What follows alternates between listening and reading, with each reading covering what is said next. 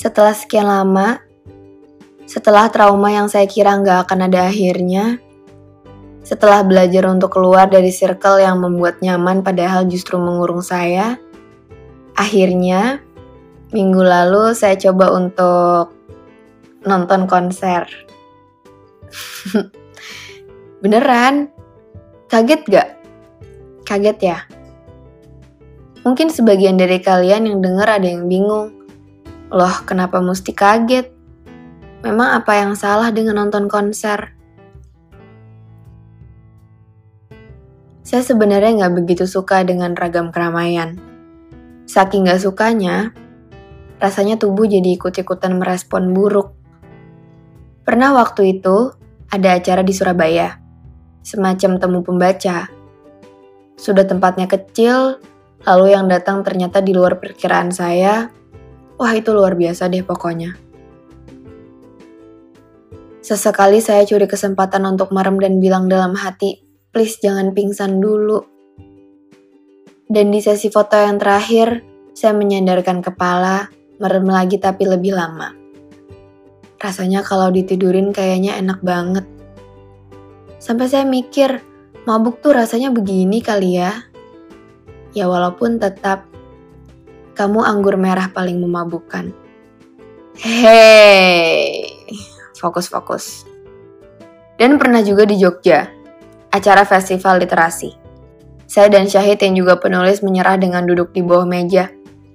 Di situ saya sadar bahwa untuk sebagian orang, keramaian terasa begitu menyakitkan.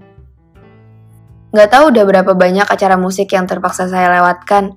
Biasanya tiketnya udah dibeli, terus akhirnya saya kasih ke teman atau sepupu saya daripada mubazir. Iya kawan, memang semenyeramkan itu.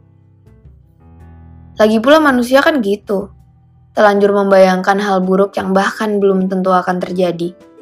Semisal mau coba langkah baru, tapi langsung muncul di kepala.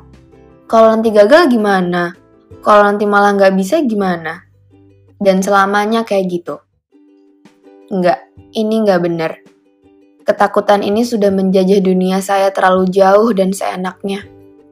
Yang perlu saya lakukan cuma nyoba. Perkara suka atau enggak, berhasil atau enggak itu bukan tanggung jawab saya. Sebab rasa takut yang dicampur dengan penasaran ini harus disudahi. Kalau memang setelah dicoba saya tetap takut dan malah kapok, seenggaknya saya pernah berani untuk nggak takut walau cuma sekali. Terus, ya udah. Tiket sudah di tangan, jam dinding di rumah menunjukkan pukul 8 malam. Ini saya lagi kayak dihadapin pilihan, balikan nggak ya, balikan nggak ya. Cuma versi yang lebih ngebatin aja. Ah, nggak deh, tapi pengen. Tapi kalau nggak kuat gimana? Tapi kalau makin kapok gimana? On the way, seorang sana pergi ke sebuah konser, sungguh keajaiban. Seorang teman sekaligus penulis yang kebetulan juga musisi memberi komentar itu di Twitter saya. Apa iya seaneh itu? Karena ibu saya juga bilang, momen saya ke konser harus dicatat dalam sejarah. Si penakut akhirnya perlahan keluar dari sangkar yang selama ini menciutkannya. Menyenangi kehidupan di bumi yang bebas untuk dinikmati walau saya juga nggak tentu paham artinya. Memang ya, banyak hal yang nggak seburuk kelihatannya.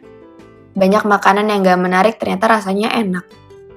Banyak garis yang nggak rapi ternyata membentuk gambar yang bagus. Banyak lagu yang intronya Gak enak didengar tapi setelah didengar berkali-kali buat ketagihan. Seperti itu gambaran keramaian yang sekarang lebih tepat bila disebut keriaan. Yang juga baru saya sadari ketika seseorang berani melompat lebih jauh dari harmoni membosankan dalam hidupnya sendiri, semesta menjanjikan banyak hal baru buat diselami. Ibarat lagi nulis novel terus stuck, tiba-tiba aja datang inspirasi tokoh baru, yang entah dari mana asalnya. Tapi penulisnya bingung, harus diapakan tokoh ini? Apa diselipkan atau nggak usah dihiraukan alias terus jalan sama outline cerita yang sudah ada? Penulisnya bahagia dalam kebingungannya sendiri, larut dalam rasa senang yang entah terakhir kapan.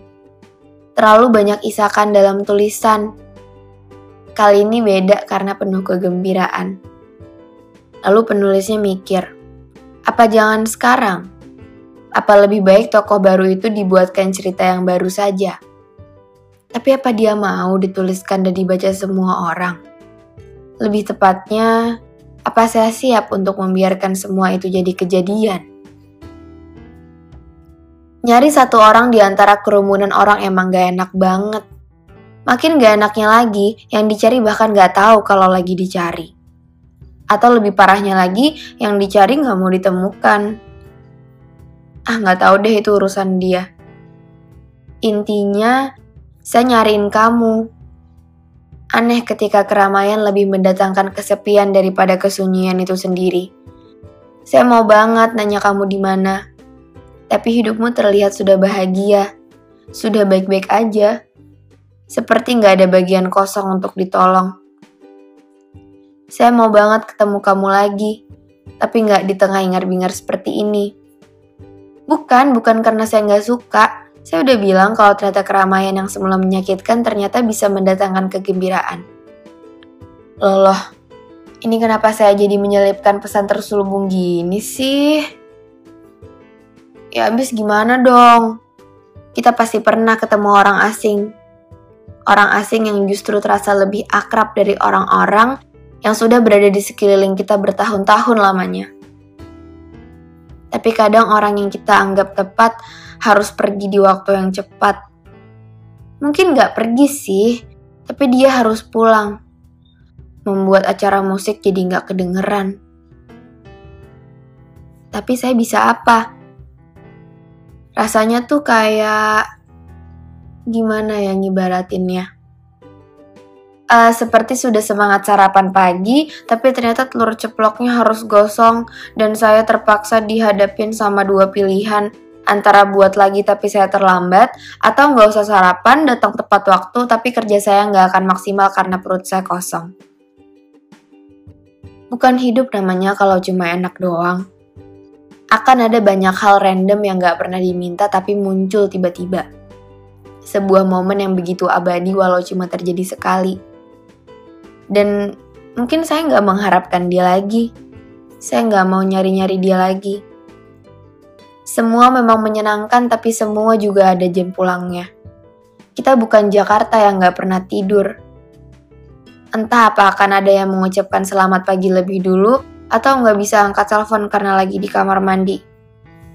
Entahlah, Kadang kita memang cuma butuh satu momen aja, dan itu cukup harusnya.